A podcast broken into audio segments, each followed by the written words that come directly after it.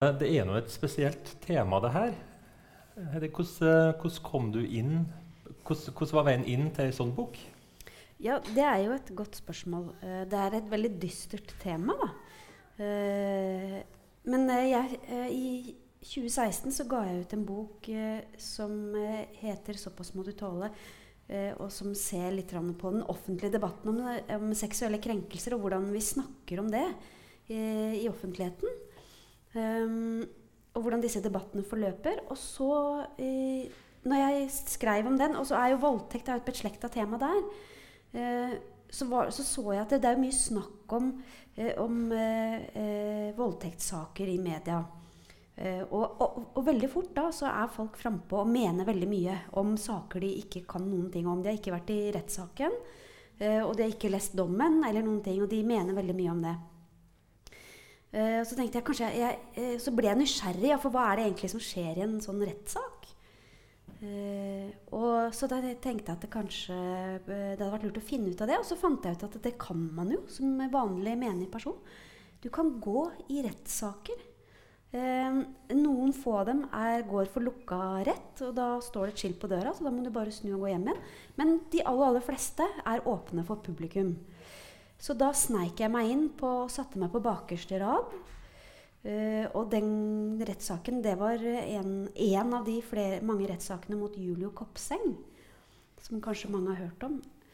Og da kom jeg akkurat inn til den siste dagen i retten, da sluttprosedyrene blir holdt. Og da er det liksom Da er det, det de ulike sidene oppsummerer saken sin. De legger fram saken sin i et, et helt narrativ. Eh, og skal overbevise den som gikk, sant? Overbeviser eh, eh, juryen eh, eller tingrettsdommerne. Eh, får jo det utfallet de vil ha. Så der legger man inn mye trykk. Og da eh, ble jeg veldig sjokkert over hva disse forsvarerne tillot seg å si om de fornærma i saken. og, og, og ja, så jeg bestemte meg for at dette må folk få vite. De fleste har jo ikke tid til å gå i rettssaker. Det er veldig tidkrevende. Og mange kvier seg kanskje for det også. Eh, fordi de føler at de trenger seg på og sånn. Og det er en følelse jeg har kjent på også mange ganger. Nesten egentlig hver gang jeg har gått i retten. Eh, så da tenkte jeg kanskje man skal skrive en bok om det. Og så sendte jeg inn en søknad til stipendkomiteen som var veldig positiv. Så da ble det bok. Mm. Spennende. Du, du, nevner voldtekt og hvordan vi altså Det er mye snakk om det. Det er veldig mye overskrifter i aviser og sånn. Um, så jeg tenker jo det at voldtekt sammen med andre ord vi har, sånn som um, psykopat f.eks. og pedofil og Vi har noen, en sånn kollektiv forståelse av hva det er. Vi legger uh, en del ting i det. Det jeg lurte på, Anne Marie, i forhold til Men hva med jussen? Hvordan, hvordan, uh, hvordan forstår dere voldtekt? Er det sånn som sånn som det er ellers i samfunnet? Eller har dere noe å si om at det er litt mer strigent uh... Vi har nok en ganske tydelig definisjon på hva voldtekt er. Mm.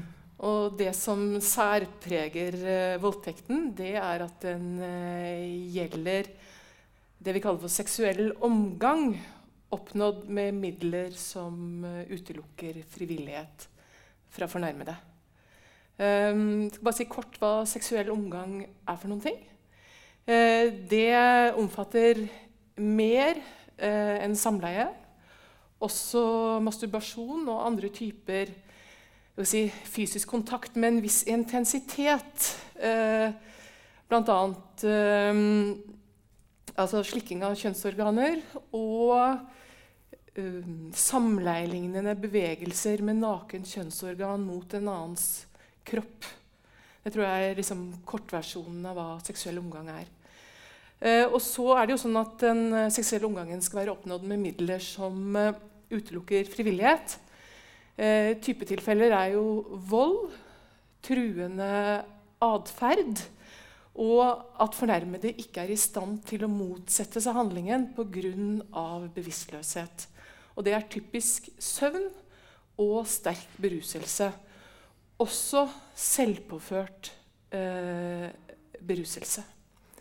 Um, og alle disse typetilfellene er nevnt i boka di, Heidi. Mm. Sånn at uh, du, du, du, har vært i tilfeldige rettssaker, sier du. Men disse typetilfellene er omtalt. Ja. Og så har jeg lyst til å si, som jeg tenker at det er greit at dere veit, at uh, seksuell omgang med barn under 14 år det er alltid voldtekt. Grunntanken er at barn under 14 år de kan ikke samtykke til den type handlinger. Mm. Mm. Har, sånn ser det ut uh, når en tingrettsdommer uh, tenker over det. Du som satt i retten med noen andre øyer. Mm. altså, hvordan, har du noen, noen, historier derfra? Altså, noen av de her narrativene? Hvordan kan det se ut? Jeg har jo lest boka, og, og uh, flere av de historiene du skriver om, er f.eks. sånn nachspiel-situasjoner som har sklidd ut. Mm. Har, har, du noen eksempler som vi kan liksom få litt sånn kjøtt på beina? I forhold til hva er det Om opptakten, eller hvordan en voldtekt skjer? Liksom, eller, jeg tenker mer på Ja, i forhold til de historiene når du satt i rettssaken. Hva hørte du? Hva hørte du ble sagt? Mye. Var det et vanskelig spørsmål? Ja, ja, det er litt lite konkret, kanskje. Men uh, nei, altså, jeg kjente jo til uh, voldtektsdefinisjonen jeg, uh, fra før. Um, så før jeg gikk i disse rettssakene, så leste jeg meg opp uh, på lovverket. Og også til, på forarbeidene til loven.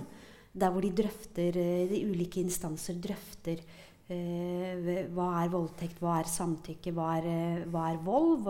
Hvor, går terskelen?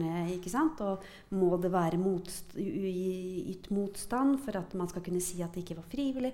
Masse sånne ting. Så jeg hadde alle disse begrepene på plass. Det jeg ikke hadde på plass når jeg gikk i rettssaken, rettssakene, eller begynte i starten, det var alle disse rettstekniske og rettsprosessuelle tingene. Så jeg brukte mye energi på å forstå liksom, hvem som skulle gjøre hva når og sånn. Og hvorfor har de denne rekkefølgen på det? Og, og, jeg visste jo ikke hva som skulle skje fra det ene øyeblikket til det andre. Så jeg brukte mye øh, energi på å prøve å forstå det. Og etter hvert så forsto jeg at dette her er jo nøye, en nøye regi på det. Det er en fastlagt rekkefølge. Det er den fornærma som forklarer seg først, og så den tiltalte, og så kryss. Og før, også begge blir krysseksaminert. Og så er det bevisfremleggelse av andre typer. Det er masse sånne ting. Og det, det, tok litt tid da, å, å, forstå. Så jeg måtte lese og hjem og google og kjøpe bøker og, for å forstå dette her. da.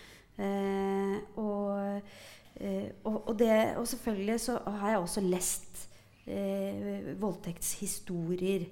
Um, og jeg har jo vært feminist i mange år og lest mye litteratur. selvfølgelig Hørt mange fortellinger. sånn at det, i utgangspunktet så var det jeg ikke overraska over disse narrativene.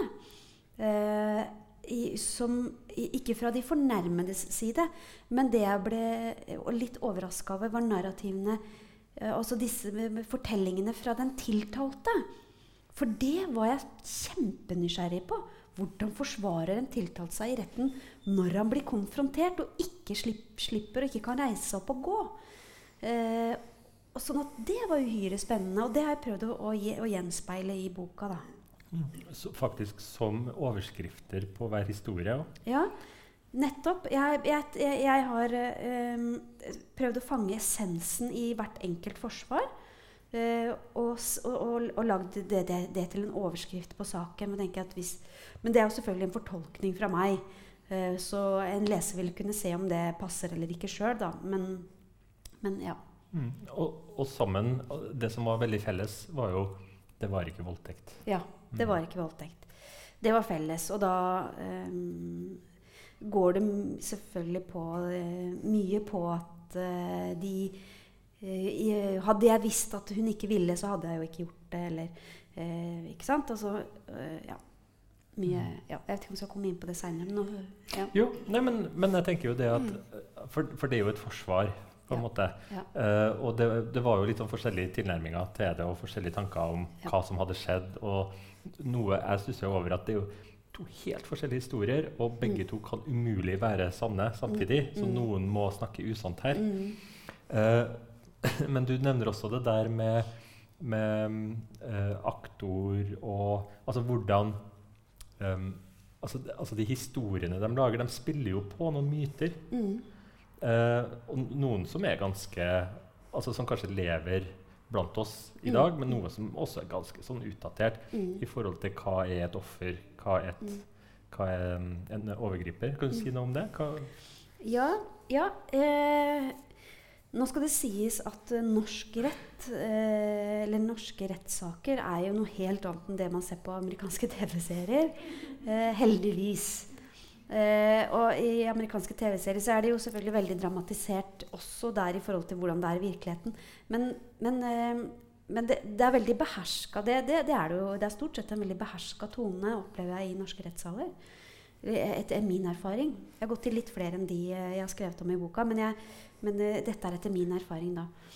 Men allikevel uh, så syns jeg at jeg kunne merke uh, at det ble spilt ut noen eh, myter, og at noe av det som ble sagt, opplevde jeg som direkte usaklig og ganske respektløst. Eh, og unødvendig, tenkte jeg da. For, for, å kunne jeg har veldig respekt for forsvarergjerningen. Eh, det er veldig viktig at den er sterk og har stort spillerom. For, he, for hele rettssikkerheten til en tiltalte hviler på det.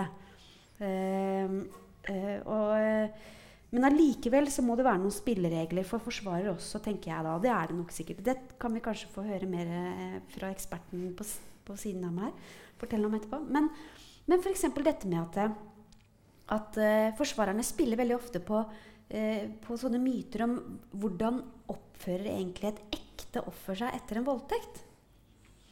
Uh, og hvis hvis for eksempel, Nå er det ikke et sånt eksempel i min bok, men jeg har vært i en rettssak hvor hvor, det, hvor, den voldtatte eh, kvinnen spiste frokost med gjerningsmannen sin før hun dro hjem og anmeldte.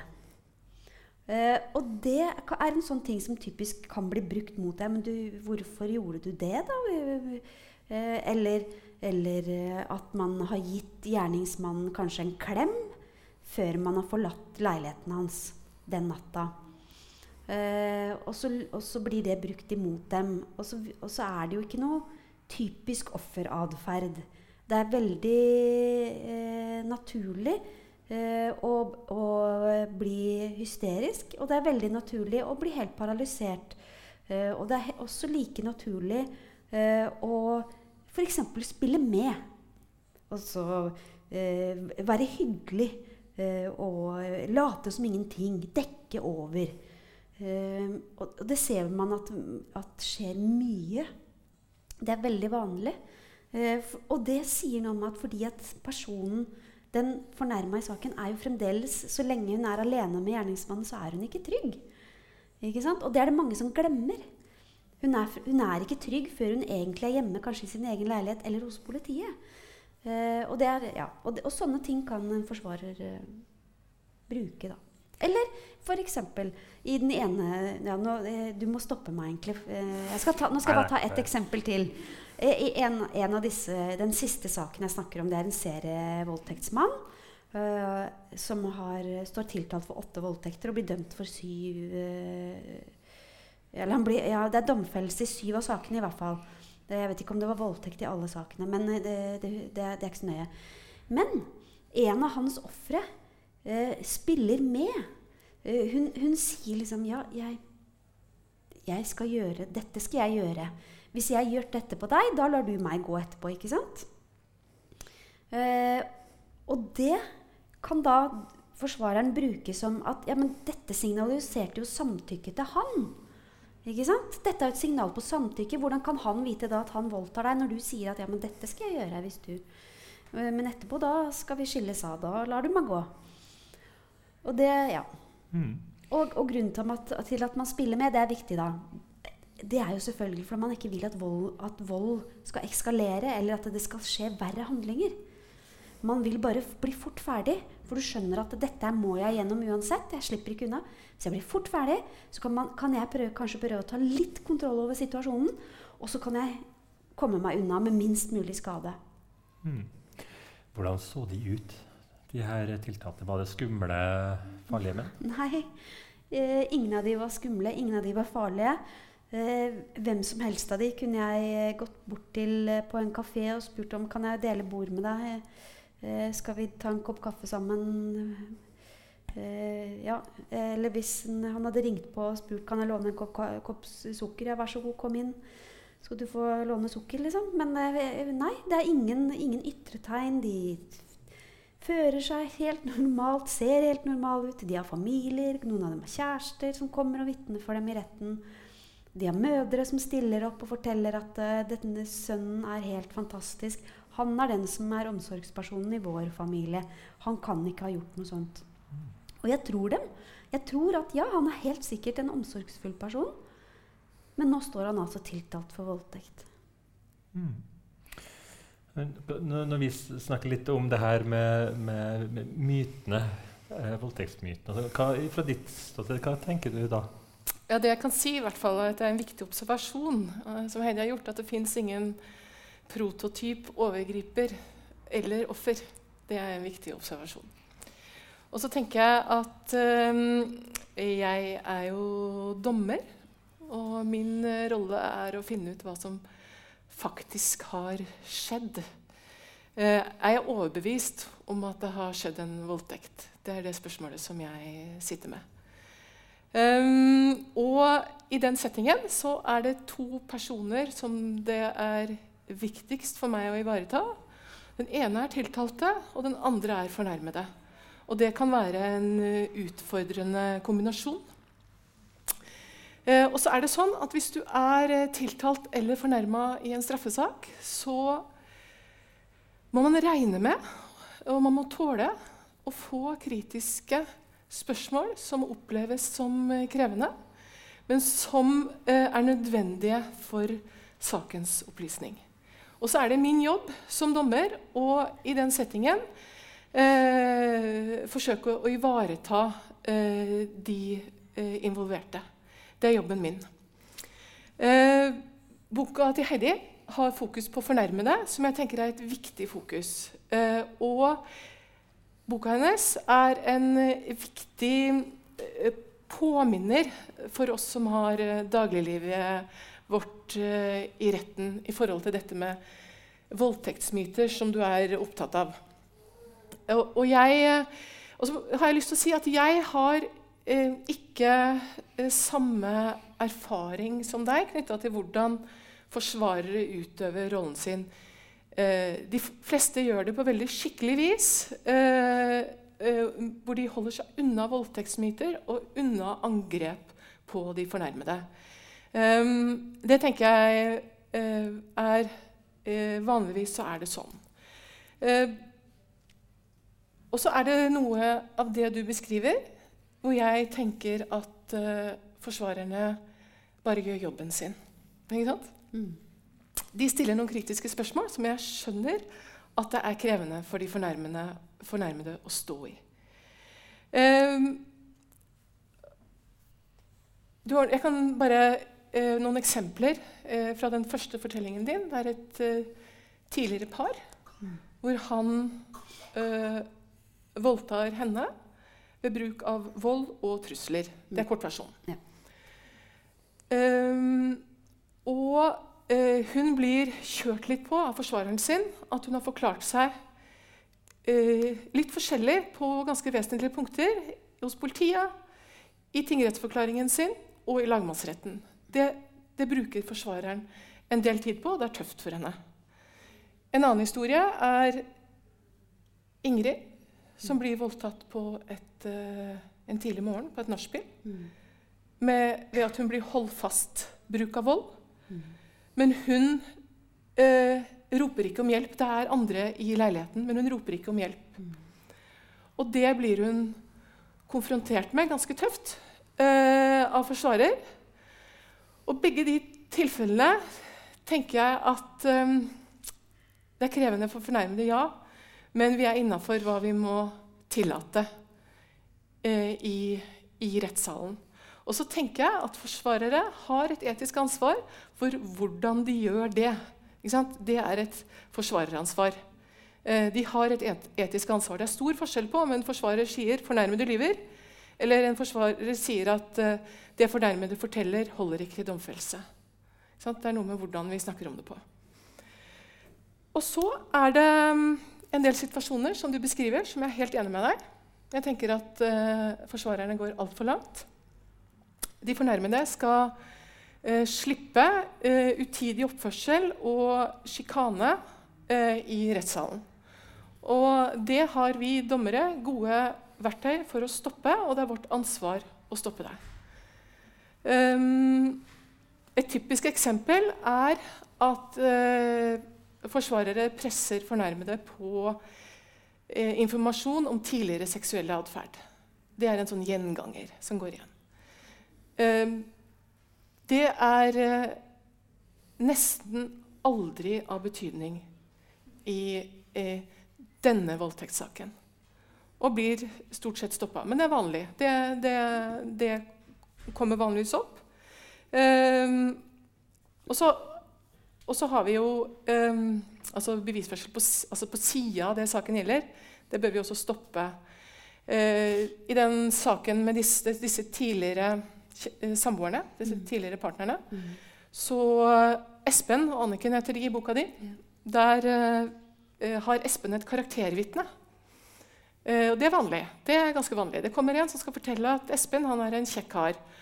Og det tillater vi vanligvis.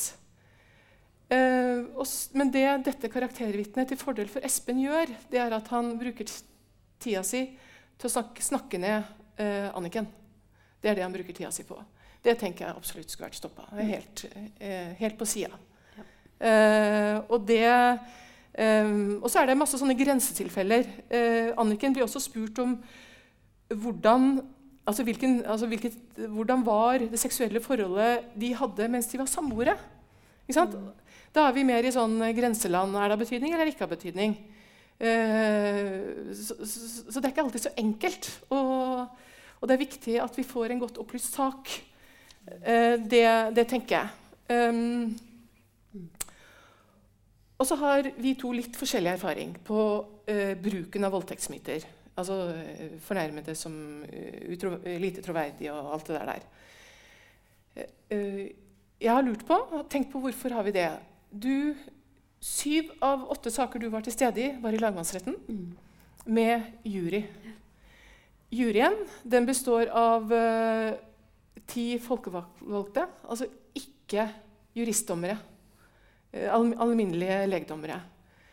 Um, uh, som skal avgjøre skyldspørsmålet, og de avgjør det uten noen begrunnelse.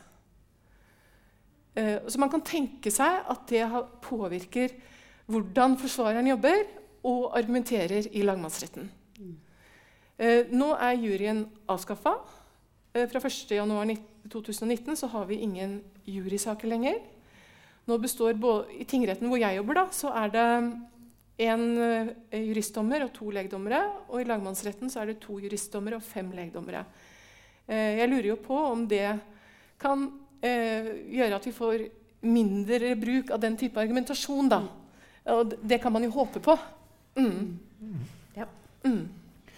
Kan, kan, du si noe kort? Ah, ser du noe, ser du noe endring i forhold til denne type saker? Sånn, litt sånn mer historisk? altså hvor, hvor, vi er i dag i forhold til hvor vi har vært for si 10 år siden, 15 år siden? Jeg tenker jo at det har skjedd mye på, um, når det gjelder ivaretakelse av fornærmedes rettssikkerhet de siste 10-15 åra. Det handler jo om tror jeg, at man er blitt mye mer bevisst hvor skadelig det er å bli utsatt for en voldtekt. Uh, og hvor krevende det er å anmelde og stå i etterforskning og, og uh, være med uh, i et rettssystem. Eh, så vi mm, har jo en bistandsadvokatordning. Eh, fornærm, en fornærmet i en voldtektssak får bistandsadvokat betalt av det offentlige fra anmeldelsestidspunkt og til det foreligger rettskraftig dom. Bistandsadvokaten skal ivareta de rettslige sidene da, til fornærmede hele veien. Um, det har akkurat vært en evaluering av bistandsadvokatordningen. Det er noe som heter Oxford, Oxford Research et eller annet som har gjort det og som sier at det har styrket rettssikkerheten til eh, de fornærmede. Mm. To ting til. Eh, politiet eh, har Vi har en representant for politiet her. Eh, har fokus på seksuelle overgrep. Det har de hatt i noen år. Eh, det betyr at det etterforskes flere saker, det, som gjør at det kommer flere saker til domstolen, som betyr at vi får flere domfellelser. Det er rettssikkerhet i praksis, og forhåpentligvis også forebyggende. Og så er strafferammene for seksuelle overgrep øket kraftig eh, de siste årene. Um, sånn at uh, Jeg kan selv Jeg sånn uh, Jeg husker en sak jeg hadde for mange mange år siden. En, en grov og en stygg voldtekt med bruk av mye vold. Uh, hvor domfelte fikk to og et halvt års fengsel. I dag er jeg helt overbevist om at samme handling ville gitt minst seks år. Og det sier litt om Det jeg tenker er illustrerende i forhold til den utviklingen som har vært de siste 15 årene. Mm. Mm. Spennende. Mm. Jeg kan si noen ord sånn, uh, fra sånn psykologperspektiv òg i forhold til det her mytene. Jeg reiv meg jo litt i håret når jeg leste mye av det her som ble sagt da, i, i, retten. For det virker på meg som at det er veldig mye altså, det er veldig mye som blir lagt fram som en sannhet. Mm. Så jeg sier, det er ikke sant. da. Og det, til slutt så ble jeg litt sånn Finner de bare opp uh, forskning her nå? Uh, Ut ifra hva som passer. Um, jeg satt blant annet og tenkte på altså PTSD er jo en diagnose som flere av uh, ofrene har fått, mm. altså som beskrives. og PTSD er jo en, det er jo en traumediagnose hvor man har tre sånn, symptomgrupper. ofte. Man har aktivering, man er veldig skvetten, man er våken, man har vanskelig for å sove. Uh, vi har um, invadering. altså Vi har veldig mange tanker som kommer til oss som vi ikke egentlig vil ha, men som kommer likevel. Typ mareritt. Vi, vi, velger jo ikke å ha mareritt. Det her med flashback, som vi kanskje har sett, uh, mange har sett på film, som virker litt sånn rart for oss, det er når plutselig man får hele hendelsen tilbake. Uh, og, um, og man ser det altså som en film, som om det skjedde som om det skjer akkurat nå, sjøl om det er lenge siden.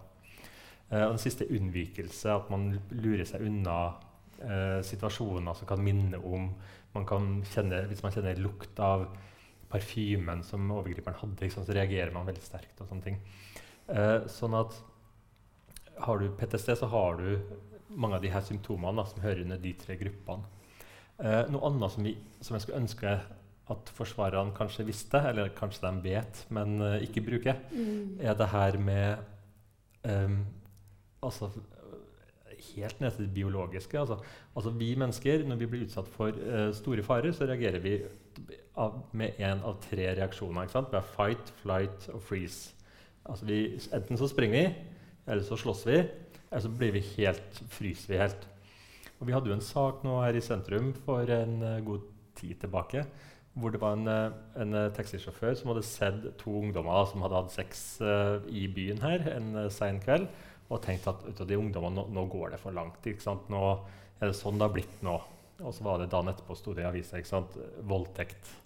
Og han, og han sa hvordan kunne det være? Ja, men jeg så det jo. Det så jo ganske samtykkende ut. Og så viser det seg at det som hadde skjedd der, er denne freeze-delen av det. Fordi at evolusjonsmessig så er det kjempelurt av oss å bli helt overveldet og fryse når vi blir utsatt for en, eh, en, eh, stor fare. Fordi at Hvis vi blir for angrepet av noe som er farlig, eh, blodet forsvinner fra armer og bein. så Hvis man får seg noen skader, så blør man ikke i hjel. Eh, kroppen utsondrer masse kortisol, som gjør at vi ødelegger hukommelsen. Hvis du blir utsatt for, for, noe helt forferdelig, så er det kjempebra at du ikke husker det. ikke sant? Um, også helt sånn tilbake til nesten neandertaltidene Altså de damene som har opplevd overgrep, um, og som har fått skader i underlivet av det, har hatt problemer med å reprodusere seg. Sånn at det er faktisk sånn at man kan bli våt i en voldtektssituasjon. Uh, og man opplever også at noen opplever også at man får orgasme.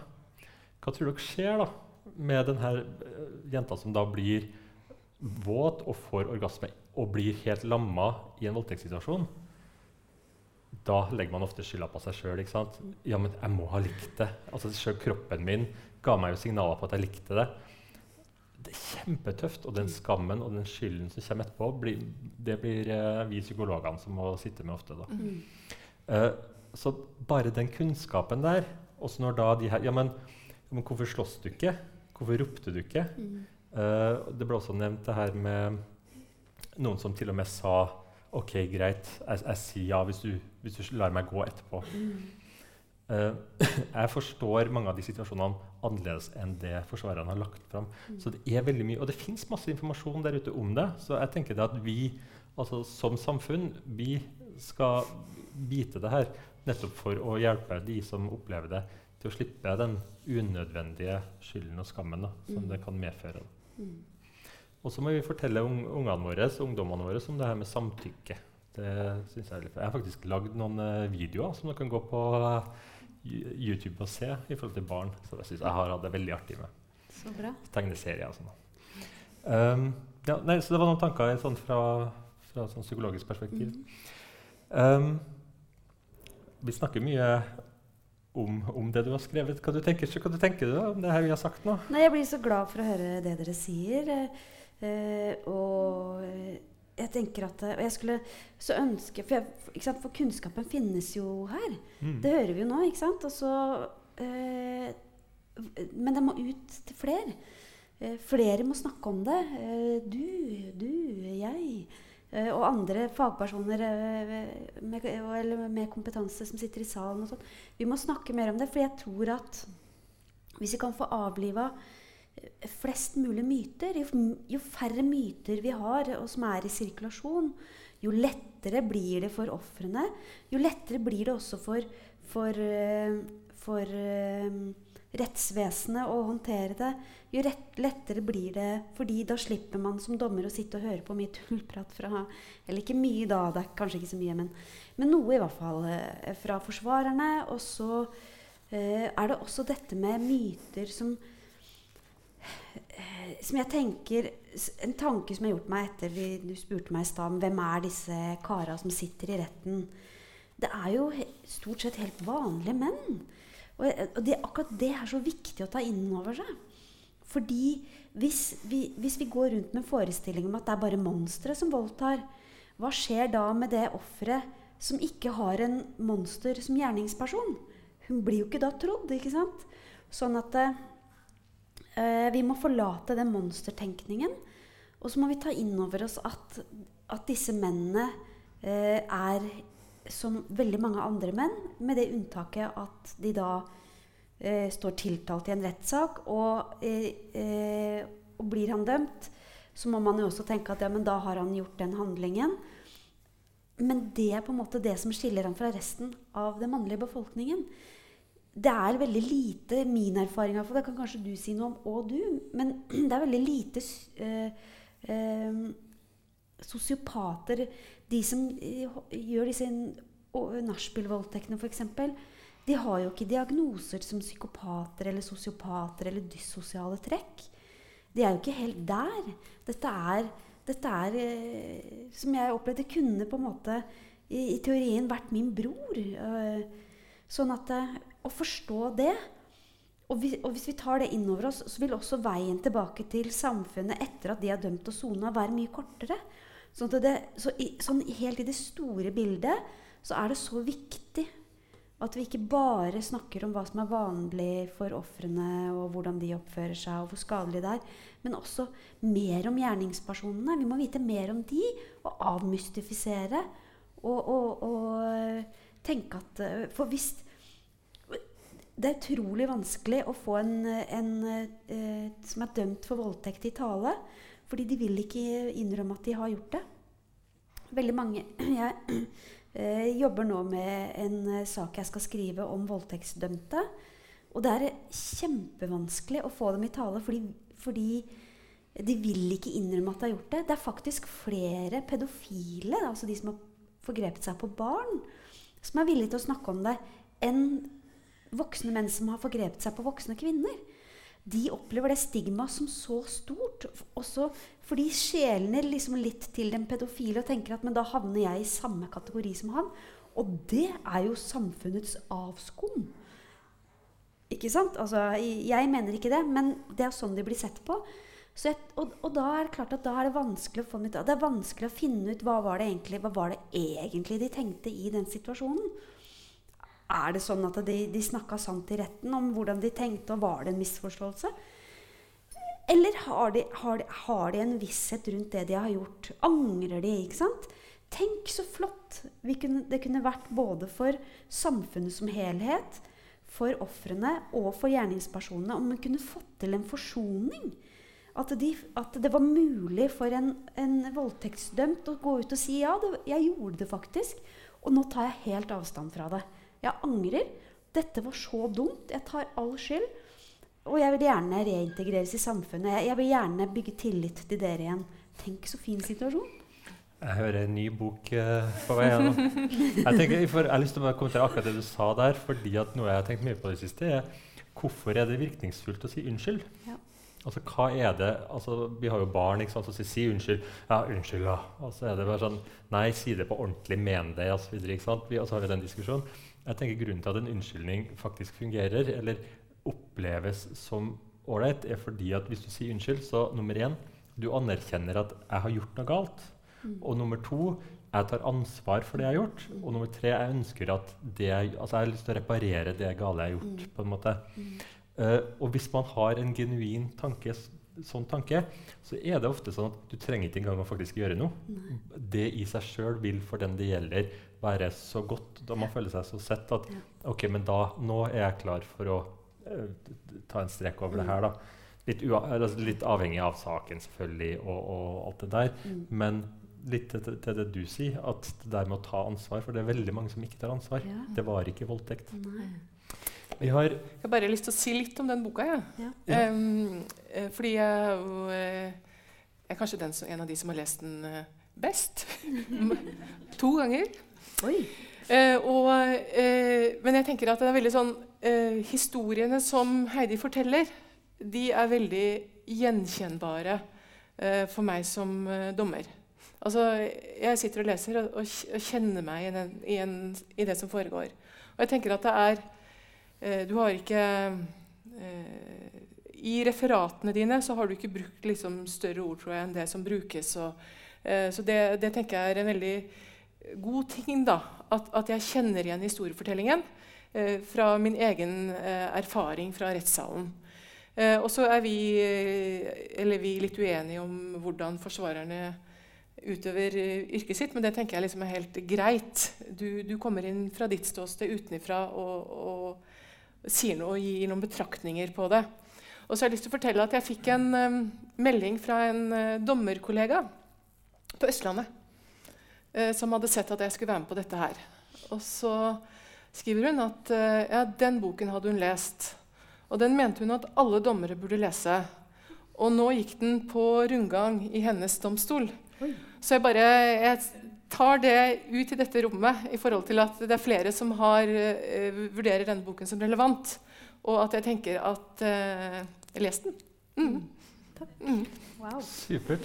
Jeg tenkte, jeg tenkte, jeg hadde litt lyst på helt til slutt nå, så ta, høre om det var noen som hadde noen spørsmål. Men jeg ser det at vi har gått over tida vår. Oh, ja, det. Men, det, men, du skal skrive noen uh, skrive, Hvis det er noen som har lyst på um, Hvis noen har lyst til å kjøpe den, så signerer jeg. Koster bare 200 kroner. Signerer det, Da er det også muligheter til å stille noen spørsmål sikkert, og, og høre litt uh, flere ja. tanker du har. Ja. Har du hatt det ålreit? Var det greit her? Det er spennende.